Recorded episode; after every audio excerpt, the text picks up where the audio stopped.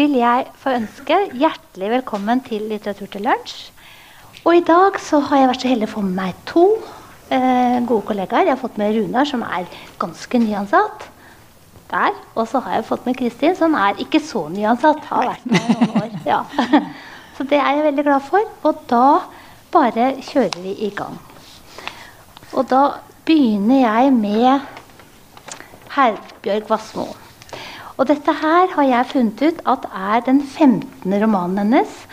Og hun blir faktisk 80 år i, i desember. Og jeg tror jeg har lest alle romanene hennes. Uh, og jeg liker hennes måte å skrive på. Det er alltid sånne dramatiske landskap. Det er store følelser, og det er mennesker å bli glad i. Mitt menneske det er fortellingen om to mennesker, Gorm og Ruth, som hele livet har visst om hverandre.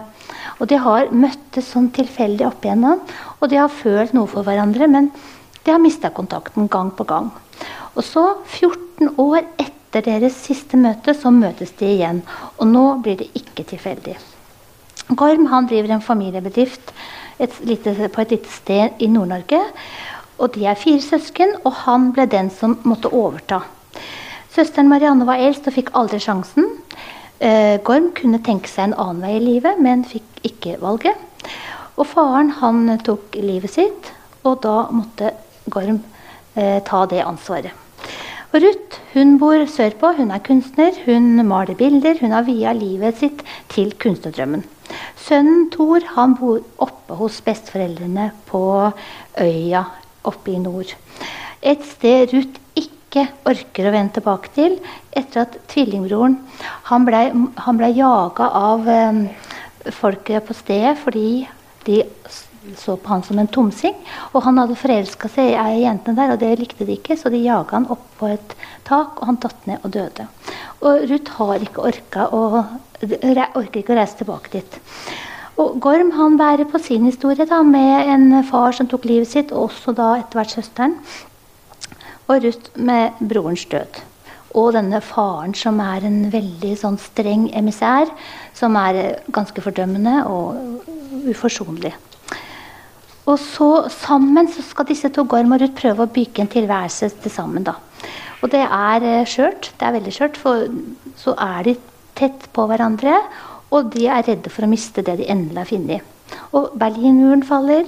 Gorm har tatt en stor og avgjørende bestemmelse. Han selger familiebedriften, reiser til Oslo for å studere litteratur og for å skrive. Det er hans drøm. Og Det skjer altså så mye i denne her boka. Det dreier seg mye om det å skape. Skape noe. Malerkunst, skrivekunst, et liv sammen. Og alle dialoger her er på nordnorsk. Og det er veldig fint. Men det er veldig mange dialoger, så jeg tenker vi kunne vært kutta litt egentlig på alle de dialogene. Men det er altså det der med å møte spesielle mennesker. Det å lage seg et liv sammen. Og så er det alle de der berg-og-dal-banene av følelser som hun virkelig klarer å beskrive. Så, og slutten den er veldig dramatisk. Sterk og, og dramatisk. Og jeg tenker at det det kunne vært kutta litt kanskje i boka. En del dialoger kanskje, men ellers er det ei bok jeg virkelig kan anbefale.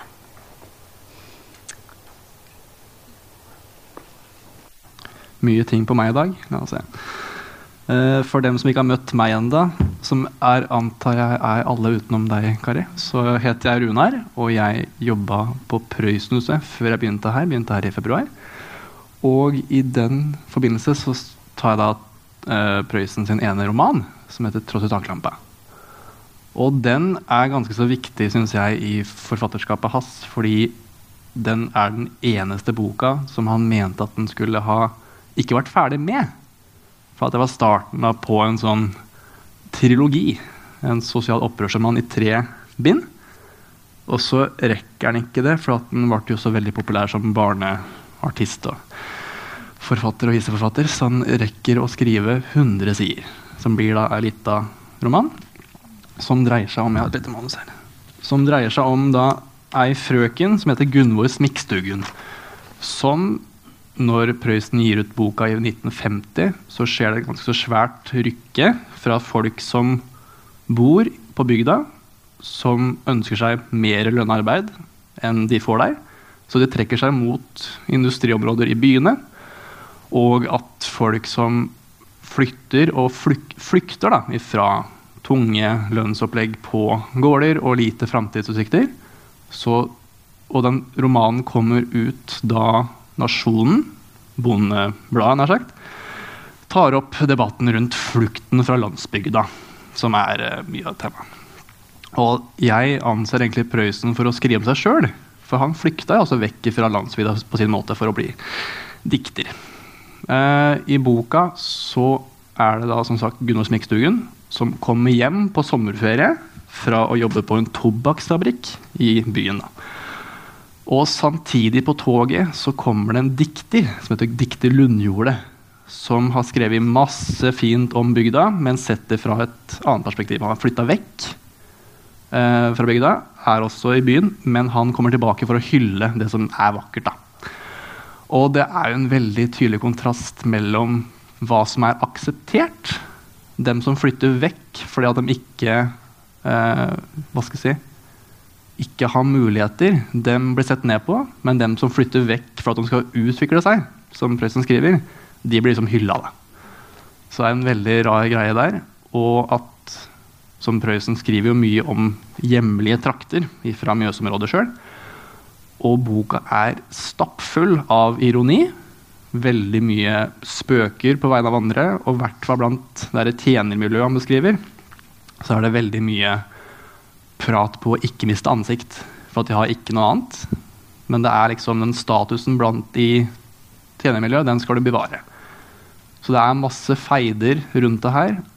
Og som Prøysen sjøl hadde et kompleks for når han skrev boka, var det at det her er en serie med små noveller. Det er ikke en langstrakt historie. Det er masse sceneskift og greier. Og han er jo kjent for de lørdagsstubbene han skrev, så mange, i løpet av eh, flere år. Um, men boka blir gitt ut i november 1950, og før jul så var det solgt 52 000 eksemplarer. Og Det var en tid hvor folk selvfølgelig hadde lite med penger i og med at det var rett etter krigen. og sånne type ting. Men da er det altså det at det er en bok som jeg mener er ganske viktig for å forstå han og det miljøet han skriver om. fordi at han var jo så jækla populær på barnelitteraturen. og sånne type ting. Så mye av det voksenlitteraturen-greiene har gått litt i hjemmeboka. da, sånn sett. Så jeg tror jeg stopper der enn så lenge, så jeg ikke prater for mye. Mange av dere har sikkert lest mye, eller litt, eller iallfall noe av Isabel Allende før. For det her er hennes 21. roman. Og alle er oversatt til norsk, og det er veldig uvanlig for en søramerikansk forfatter. Hun er jo aller mest kjent for 'Åndenes hus', som kom ut på 80-tallet, som også ble filmatisert. Og 'Violetta' det er som de fleste av Allendes romaner en historisk roman. Eh, faren til Allende var jo da fetter med Salvador Allende, så Chiles president. Sånn at eh, vi tipper at hun har fått inn mye av historie og den politiske interessen med morsmelka. Violetta, som det handler om i boka, hun ble født i 1920, samtidig som spanskesyken herjer i landet. Og det, et, det dramatiske bakteppet det setter tonen for livet hennes. Hun fødes inn i en rik familie, en overklassefamilie, som det sjette barnet og den eneste jenta. Og hun blir veldig bortskjemt, og hun har veldig lite kjennskap til og forståelse for hvordan folk flest har det og livet utafor familien. Lever et veldig skjerma liv. Men familien er ikke så rik som den en gang var. Eh, og faren til Violetta han tar en del sjanser og driver en del ulovligheter for å opprettholde fasaden og standarden. Men under depresjonen så går det allikevel galt. Og det er Violetta som finner faren på kontoret sitt når han har skutt seg. Og Da er det ikke lenger mulig for mora å beholde huset, så hun tar med seg Violetta, eh, den eldste broren, guvernanta og to tanter og bryter opp. Og så selger de alt som kan selges, og drar sørover for å starte et veldig mye enklere liv i en liten landsby. I noe som vel kan kalle sivilisasjonens siste utpost før indianerterritoriene. Og livet her det står i sterk kontrast til livet i hovedstaden. Men selv om livet er veldig mye hardere og fattigsligere sånn rent materielt, så, har, eh, så, blir det en veldig lykkelig tid for Violetta pga. samholdet mellom alle de menneskene hun omgir seg med. Og alt som skjer i denne boka, her, det får vi høre gjennom Violettas brev til barnebarnet sitt. Og sånn sett så kan du si at det er en litt sånn upålitelig forteller, for de fleste av oss ville kanskje pynta litt på sannheten hvis vi skulle fortalt livshistorien vår.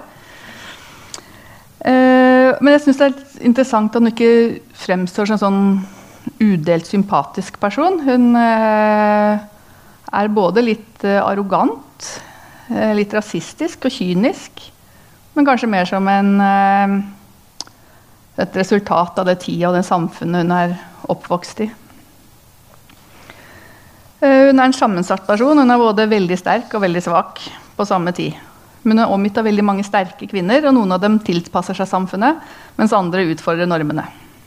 Og så er det også litt morsomt at Hun refererer til bestemoren bestemor Nivea og en tante som kunne snakke med åndene, og en hund som vokste seg så stor som en kamel. Og det er jo referanser til det er en annen gren av Del Valle-familien som da er om i Åndenes hus. Så de blander seg litt. Det er jo en veldig dramatisk historie som uh, Violetta forteller barnebarnet sitt, med spanskesyken og familiens konkurs og farens selvmord. Har jeg allerede vært innom, men det er bare starten. Jeg kan jo ikke avsløre altfor mye av handlinga, men uh, i tillegg til en sånn stormende og altoppslukende ganske destruktiv kjærlighetshistorie og mye dramatikk innad i familien, så er livet til Violetta og familien knytta veldig tett opp til alt som skjer i Chile i løpet av det århundret fra 1920 til 2020. Nå sies det riktignok ikke eksplisitt i boka at det er Chile, men liksom, alt stemmer rundt med rammene. Så liksom, det kan i hvert fall godt være det. For det er kvinnekamp og krig, militærkupp og politiske uro, uroligheter.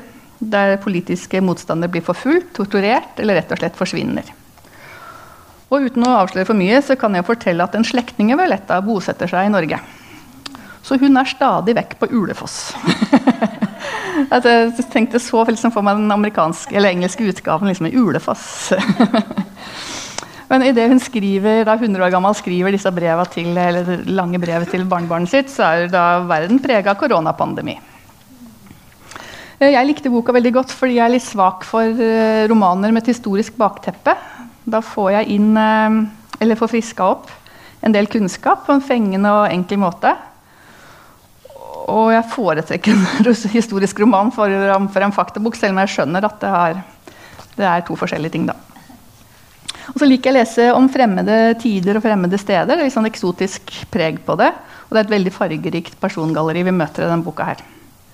Og sånn til slutt, så Allende kritiseres jo av og til for å skrive liksom, kiosklitteratur. Eh, og det er jo veldig sånn, store, dramatiske følelser. Eh, men jeg syns hun skriver godt. Det er få liksom, språklig krumspring og nyvinninger sånn, så rent språklig, men eh, det er veldig godt driv, og så er det veldig godt driv i handlinga. Så det var en bok iallfall jeg koste meg veldig med. Ja. Og det ja, Agenda er jeg også veldig glad i. Men den boka jeg har nå, det er liksom noe helt annet. For det er tilbake i Norge, og det er veldig sånn realistisk.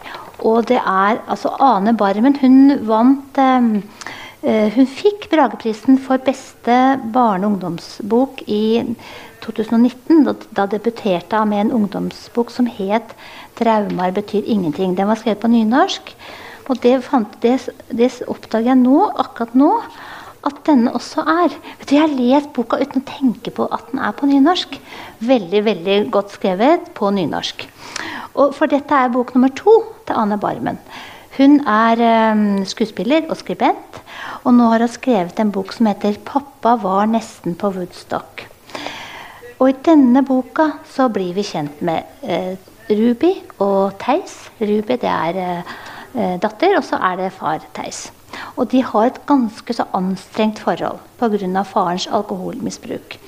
Og Fortellingen den veksler annethvert kapittel mellom disse to. Så vi får det, hele fortellingen via altså to forskjellige synsvinkler. Og det er veldig godt gjort. og veldig, ja, Da blir vi ordentlig godt kjent med dem på hver sin måte. Og Theis han er ganske ensom og veldig sånn sosial usikker. Han drikker seg nok en del til mot og, og fra og ensomheten og angsten. Ruby er da samboer med Bjørnar, og hun strever med sitt. Hun vil så gjerne bli gravid og får det ikke til. Og hun syns hun ser gravide overalt. Hun klarer liksom ikke å glede seg over det, for hun sliter. Hun vil så gjerne bli gravid. Så mye av hennes tanker og følelser går inn på det der. Og i begynnelsen, og man bare fortelle om det, for i begynnelsen av boka så er det en øh, sekvens her hvor øh, Theis forteller om hunden sin, Snuppa. Det er hun som er på forhånd her. Er, hun er blitt gammel og syk og har vondt. Det er ikke mer å gjøre. Snuppa, som hunden heter da, den hadde blitt mishandla i sitt forrige liv. Og så kom hun til Theis og var helt vettskremt. Og gradvis så blir hun trygg hos han. Og de to har fått et helt sånn unikt bånd. Og så, og så må han ta med til dyrlegen. Og er altså den skildringen er utrolig sterk og rørende. og veldig sånn realistisk. Og det viser litt av hvor god hun Ane Barmen er til å skrive. altså. Og for, for Theis så har Snuppa vært en trøster og en venn, og så er hun ikke mer, da. Og, så kommer vi tilbake til Ruby, som da er, har klart, hatt lite omgang med denne faren i løpet av de siste åra. For hun skammer seg over han, og han har en fortid med skuffelser og utrygghet pga. alkoholmisbruket hans. da. Men kjæresten hennes han vil så gjerne treffe faren. Han skjønner ikke det. Han klarer ikke å se det anstrengte forholdet hun har til han. Og så får invitere faren til et selskap i jula, og de kommer, da. Og da får vi på forhånd Theis tanker rundt alt han skal ordne til, og hvordan han skal få det til. Og så får vi Rubis hvordan hun skammer seg egentlig over faren sin og gruer seg til å komme dit. Og vise han, kjæresten dette som jeg kaller First Price-livet, med First Price Blues og røyking innendørs og sånne ting. Og så er hun redd for at han skal drikke noe for mye. ikke sant? Og så har vi en annen liten historie inni her hvor, hvor Theis blir venn, veldig god venn med eh, hun som sitter i kassa på Kiwi, Tanja. Og Tanja hun driver et eh, hjem for hjemløse katter. Og hun har mange katter. Og en dag så kommer hun hjem til Theis med en veldig sånn mager, forskremt, eh, pjuskete katt som heter eh, Alfred. Og det viser seg at Theis i et ikke helt edru øyeblikk har vært overstadig og sagt ja til å ta til seg denne katten. Og det her er også en sånn nydelig skildre av hvordan den forskjemte katten og den litt sånn eh, litt, ja, Han er ikke helt med på dette her, mannen Finner hverandre. Hvordan de kommer langsomt krypende og legger seg til slutt i fanget. Det er skikkelig rørende. Og så har vi Rubens fortelling om alle de der prøverørsforsøkene, undersøkelsen, hetetokter, kvalme, håp, skuffelse, fortvilelse. Det er så realistisk, empatisk og godt fortalt. Og det er utmattende for alle involverte og setter også kjærligheten på prøve. Så alt altså er det en bok man blir altså så berørt av, og så blir man så glad i disse her menneskene på hver sin måte. Og så vil vi så gjerne at Theis og Ruby skal finne ut av det med hverandre. Og Theis han vil så gjerne, men han feiler altså gang på gang. Og Ruby hun holder følelsene sine på plass bak ei maske. Og hun er vant til å bli skuffa og tør ikke å håpe på en forandring. Men hun trenger også så veldig den der kontakten med en nærværende far. Så dette er en bok som gikk rett inn i hjertet på meg. jeg klarer ikke å se meg berga, så jeg måtte ha litt ja, Da må jeg fortelle da om denne lille, tynne, nydelige boka. Kjersti Anfinsen. Eh, hun er egentlig tannlege, men har skrevet bok nummer to, 'Øyeblikk for evigheten'. Den forrige het 'De siste kjærtegn'. Og der blir vi kjent, i den forrige altså, hjertekirurgen eh, Birgitte, som bor i Paris. Og så hvordan hun da har eh, jobba og holdt på og stått på for karrieren, men hun har ikke klart å realisere drømmen om kjærlighet. Men hun har aldri gitt opp den drømmen. Og i den boka så finner hun jo kjærligheten i den eh, veldig levende og ganske så eksentriske arkitekten Javier. Og det blir veldig fint. Og, men det er også litt vanskelig, da. For altså, begge disse to har levd, mest, i hvert fall Birgitte, mesteparten av livet aleine. Så er det en sånn underfundig humor og oppi alt og mye varme og ømhet for disse to gamle menneskene. Og Så fortsetter historien om Birgitte og Javier her. Boka er da satt sammen av hverdagsøyeblikk og festøyeblikk i livene til disse to. Ut, også disse utfordringene da ved å bli gamle og skrøpelige, og gledene ved å være sammen. F.eks. jeg må bare lese det selv om ikke jeg klarer å uttale alle de franske ordene. En liten passasje her.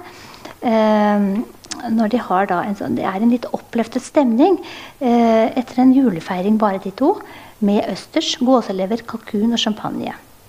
Vi danset sakte i stuen til Charles Trenet, som sang om havet. Vi spiste Boucher de Noël. Vi er vel slett ikke skrøpelige, sa Javier.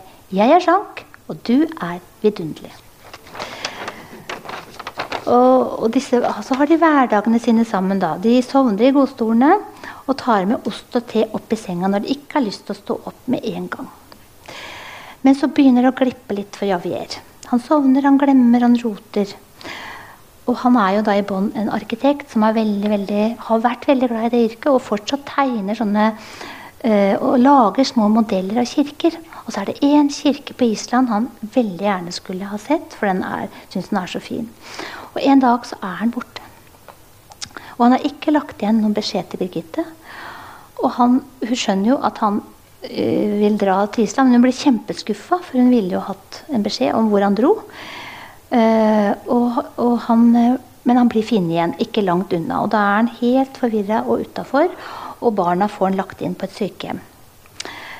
Og Den ene dagen så er han full av planer og drømmer for seg selv og Birgitte. Neste dag kjenner han ikke, henne ikke igjen. Blikket som stirrer på henne og prøver fortvila å komme på noe han har glemt. Så forteller han i stedet veldig levende om en elefant han møtte i heisen. Det finnes ingen fullendte øyeblikk som ikke straks etterfølges av tanken om at de vil passere, sies det i boka.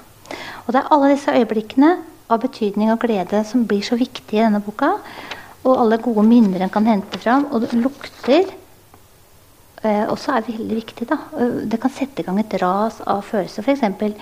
lukta av nyslått høy og rabarbra. Anne Finsen har et helt finurlig, nydelig eh, språk. Det er hva jeg sier for noe. Finurlig. Det var ikke det jeg skulle si. Hun har et helt nydelig og finslipt språk for dette som er både trist og vakkert. For kjærligheten som ikke gir opp, og så for redselen for hjelpeløsheten. Og av og til så kommer det der fandelvoldske fram i den gamle damen. Lysten til å gjøre noe uhørt. Tiden gir og fratar oss verden i én og samme bevegelse, sier Simone de Beauvoir. Og det er egentlig denne boka i et nøtteskall. Og nå har jeg også fått vite at denne er nominert til LOs litteraturpris, faktisk. Um, jeg skal da prate litt om allmuens opera som er Jeg skulle hatt boka her nå, men jeg glemte meg av. Det er første gang jeg gjør det. Uh, men den er den første doktorgraden om Alf Prøysen sitt forfatterskap. Jeg er litt Prøysen-nerd, som du kanskje har skjønt i tematikken jeg drakk, drakk fram i dag. Men her er det litt om hvorfor Alf Prøysen skriver om dem han skriver om. Um, for som han Bjørn Øya Fiksen skriver om, som er kritiker i Klassekampen, og har valgt seg et tema som det egentlig er ganske vanskelig å skrive akademisk om. For Prøysen sitt forfatterskap er jo et veldig eh, tilgjengelig forfatterskap. Det er veldig folkelig skrevet i både positiv og negativ forstand. Men han får til å gjøre det på en veldig Han tar tak i alvoret som ligger der, og gjør det tilgjengelig, sjøl om det er på fagspråk og sånne ting. Eh, og den tar mest utgangspunkt i de sosiale forskjellene mellom karakterene i Tross og taklampe. Men også på det miljøet som Prøysen skriver om i løpet av sine lørdagsstubber, som han skrev i en periode fra 1950 til 1970, rett før han går bort.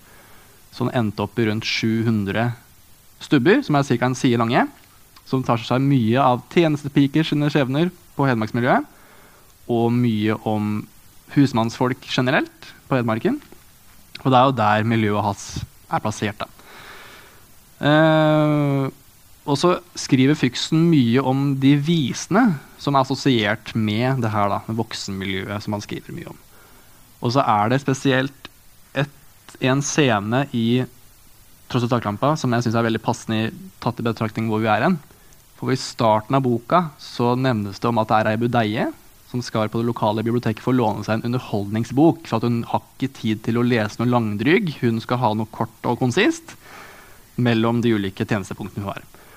Og hun som er betjent på biblioteket, hun er en veldig klasseflink jente som er liksom det unge håpet for læreren der. Brekkestøl heter han. Så hun spør har du noen bøkbok til meg. Og hun går rett på eh, de elendige. Ikke sant? Rett der. Det her må du ha. Og så sier hun deg at nei, det, det, har jeg ikke tid til. Jeg må ha noe kort og konsist. Jeg skal ha noe som jeg kan kose meg med. Og så sier hun Ingebjørg heter hun da, som er det unge eh, håpet, sier at nei, men du, eh, vi må drive med danning. Du må lese det her. Det er ordentlig, det er seriøst, det er høykultur. Så sier hun Mudaya at jeg har ikke tid til å lese 40 sider som en introduksjon. Og det blir ikke tatt imot der og da på en særlig måte. Men det at Budeia i senere tida, som Fyksen tar opp, at hun vet at det er en så lang introduksjon på det her med det elendige og sånt, da, som vitner om at det er en veldig høykultur- og lavkulturform som Prøysen skriver om i boka si, og generelt, med at han skriver om hverdagslige ting på en veldig avansert måte. Som i seg sjøl gjør at det man skriver om, som er en husmannstradisjon som avslutta rundt etterkrigsperioden Det er ingen litteratur om det her ellers.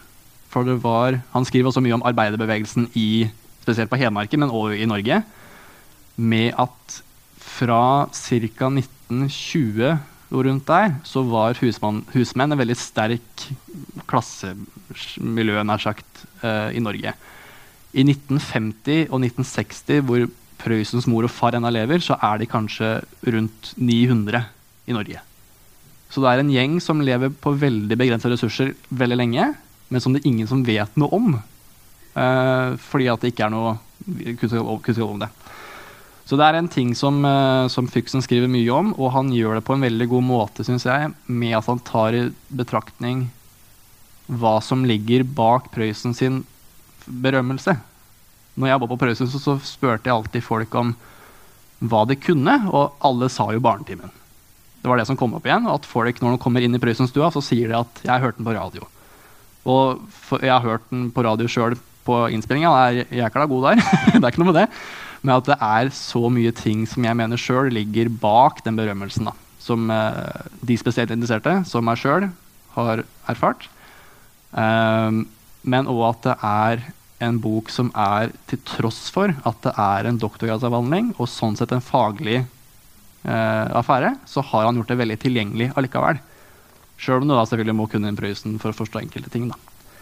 Men den uh, vil jeg uh, anbefale. Jeg glemte jo i stad å si hva handlinga i Tross reklamebrevet var.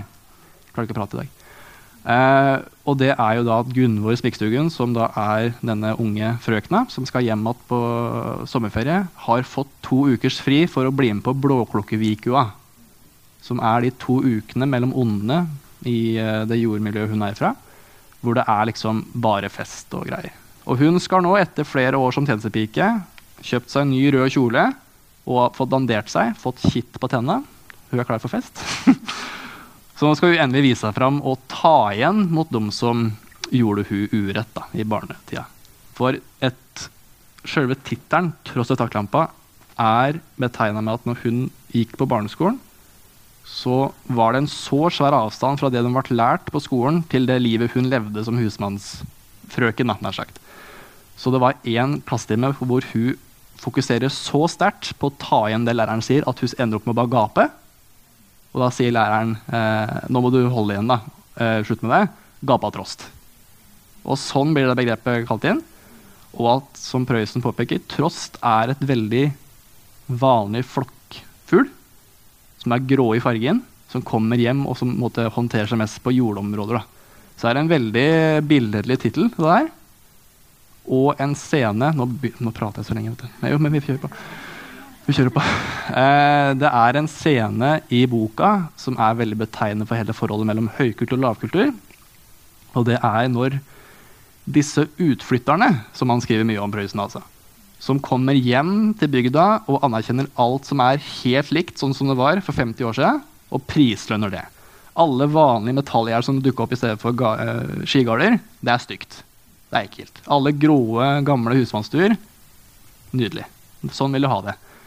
Eh, dikteren Lundjordet kommer hjem, innser at en gammel krøttervei som har stått i mange mange år, som har blitt endra på, han blir fra seg. Det går imot hans barndom, for at alt som han anerkjenner som bra, det må for guds skyld dem som blir igjen, ta seg av. Så er det en scene da med utflyttere som kommer tilbake, og som har møtt på en eller annen sånn original eh, person, som de da kommer tilbake på hotellet og prater om og ler av. Og de ler han eller hun rett opp i taklampa. Og at de bøyer Han skriver veldig fint at bøyer, de, de, bøyer nakken og får opp, og der står trosten i seg sjøl, Gunvor. Jeg kommer på en ny scene, vet du. Det blir, blir langt her. eh, da Prøysen skulle skrive og begynne ideen om en opprørsroman i tre deler, så hadde han for seg en novelle han skrev om ei frøken som er datter av et tjenestefolk som er ute på en åker. Det er mor og tre barn. Og mora de driver med tunipsrensking og står der i fillete, nedlava klær. Så kommer det en maler forbi som er tilfeldigvis på tur. Og Han ser det motivet her, ser at det her er jo nydelig. ikke sant? Brunslitte folk som står her og svetter. Og det er perfekt for å måtte lansere ideen om landsbygda som et drømmeideal. Da, ikke sant? Og han tar kontakt med mora og sier at 'jeg vil ta bilde og male det her unga her'. Og hun er fra seg av, eh, av engasjement for deg. Så dagen derpå så har hun pynta dem. Gjort dem rene og fine tatt på seg det aller fineste de er. Og maleren han blir sint, provosert av det her, for at han ødelagt motivet. Og han reagerer ekstremt på det her, og hun sier at jeg har da uh, gjort alt jeg kan for å få dem til å bli vanlige folk, ikke bare husmannsfolk. Og så ender det opp med at han tar Gunvor altså, har på seg et rødt tørkle på huet, og han tar tak i det og dytter over ende i rent, i rent sinne. Og hun detter og får et arr på panna som er liksom symbolet hennes på den ulikheten mellom høy, høy og lav kultur. Og hun blir da liksom motivet for latterliggjøring, som egentlig boka dreier seg om, i stor grad, men òg om det her ønsket om å kunne komme tilbake og latterliggjøre dem som latterliggjør det henne. Så det er en sånn fin greie om latter. Der, greie, altså. Da er jeg fornøyd. Jeg skal da ta en bok av en som heter Mikael Bergstrand. Jeg hadde ikke lest noe av han før. Vi har andre bøker av han også i biblioteket. Men det er en sånn eh, altså sånn eh, Fredrik Backman-typisk bok, hvis dere kjenner han. Han har skrevet mye fra landsbygd, sånne små, små, byer i Sverige. Og det er alltid sånne dramatiske historier, og koselige og rørende. og liksom hele den greia der. Og det her, han har noe av det samme, han her, Mikael Bergstrand. Ingemar Modigs oppvåkning. Ingemar Modig er en uføretrygda mann på 62 år. Han bor i den vesle svenske byen Borstafors. Etter å ha vært innlagt en periode på psykiatrisk institusjon, så han flytta ut til dette vesle stedet og prøver nå å leve et slags liv med alle sine nevroser og tvangstanker. Ingmar har en tung bagasje å slite på. Han våkner hver morgen helt utsvetta av mareritt. Og da må han skynde seg å skru av klokkealarmen før den slår seg på. For hvis han ikke rekker å skru den av, så kommer noen til å dø. Det er en av hans tvangstanker. Og han er veldig ensom inntil han blir kjent med Dahlia på 11 år. Først så står han sånn litt i smug, for han er jo veldig sjenert. Sånn, så han står litt i smug og kikker på disse som sparker fotball. Og Dahlia hun er eneste jente på laget. Og hun er rågod til å spille. Og Ingmar er dypt imponert. Og En dag så observerer han at hun får underkjent et mål som han helt tydelig så at var inne. Og da klarer han å stå opp for henne. Han sier fra at det målet var inne. Og så Da finner jo de to hverandre. Og hun prater, han lytter. Hun er flyktning fra Syria og har en far som ikke liker at hun sparker fotball. Og En dag må hun også begynne med hijab. Hun hater det. Men hos Ingmar så kan hun fortelle alt som det er. Han er en god lytter, og hun godtar hans mange tvangshandlinger. Men noen på det verste stedet de er fulle av fordommer og misforstår Ingmar og Dalias vennskap. Og snøbanen begynner å rulle. Sladder, misforståelse, fordommer ryster i verste stedet. Går det en pedofil mann løs her? Og det blir svært dramatisk. Det er trist, det er rørende, og så er det veldig fint. Så dette her er en sånn en god underholdningsbok med alle ingredienser. Og jeg har hørt på den mens jeg sykla fram og tilbake til jobb. Og har nok kjent på at du må gråte litt innimellom òg. Og så er det Det går jo alltid godt til slutt i de her bøkene, da. Og det trenger vi nå, syns jeg. Jeg tror jeg skulle ha en til. Bare fordi at vi pleier jo det å avslutte med en diktsamling. Og så tenkte jeg på hvor tilfeldig det er at, hvordan man får, får velger seg en bok innimellom. Det, for denne her, den, Jeg rydda i lyrikkhyllene her. Og så, så, fant jeg denne her. Og så leste jeg diktet bakpå. Og så måtte jeg bare lese boka. Dikt er for homoer, sa far min og aksla arbeidsjakka. Jeg krølla arket og rusla ut i garasjen. Taunusen sto med panseret oppe, klar til å svelge oss. Jeg sa ingenting. Tok skiftenøkkelen, skrudde kvelden forsiktig sammen igjen. Det er Ole Petter Våten eh, fra Tyrestrand på um, Ringerike som eh, har da debutert med denne her diktsamlinga som heter 'En av tingene ved mitt hjemsted'. Og dette er enkle, kloke og varme dikt fra bygda, står det om eh, denne samlinga. Det er en, en diktfortelling om å vokse opp ute på landet. I en manns verden med vedskjæring, røyking, skruing av bil, oljeflekker og barske samtaler. Og det er, dikt, det er, en diktfortelling om far og sønn. Et far og sønn-forhold, da. Faren han er en mann av få ord. Han skrur hele tida på den gamle taunusen og forklarer sønnen ting. Han henger over skuldra hans og forteller og bestemmer. Sønnen han vil gå en annen vei. Han har andre verdier. Han vil skrive, men det er det ikke lett å få forståelse for. Forholdet far og sønn er både nært og fjernt. Og det er tøft og mykt. Og da tar jeg et dikt til som illustrerer det eh, litt her. Jeg bøyde meg over motorrommet, så at kvelden hadde falt fra hverandre. Far min hang som en overskrift over skuldra. Sammen var vi linjene i et dikt som skulle komme.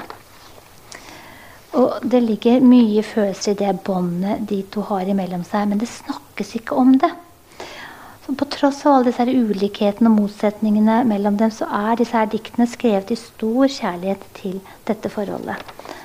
Uh, tar ett til, slutt her. Inngangsdøra griner lett når jeg tar i ei klinke, med spor av jord og kvae. På knaggen i gangen henger ei kofte jeg ofte har hvilt hodet mot, den som varma far min en klar høstdag han gikk over tunet, som virka uendelig for en ung gutt til det brått slutta på en mandag. Så, så sier eh, forfatteren at han, eh, han, da, han er veldig inspirert av Levi Henriksen, og sier også at han har lånt litt av. Og det, det bærer jo diktene preg av. Så hvis man liker Levi Henriksens fortellinger, så liker man disse diktene helt klart. Da var det noe mer vi skulle si. Nei, da, da, tror jeg vi er eh, ferdige for i dag. Og vi ønsker eh, veld, altså, Veldig hyggelig at dere kom alle sammen. Og så velkommen tilbake, og takk for nå.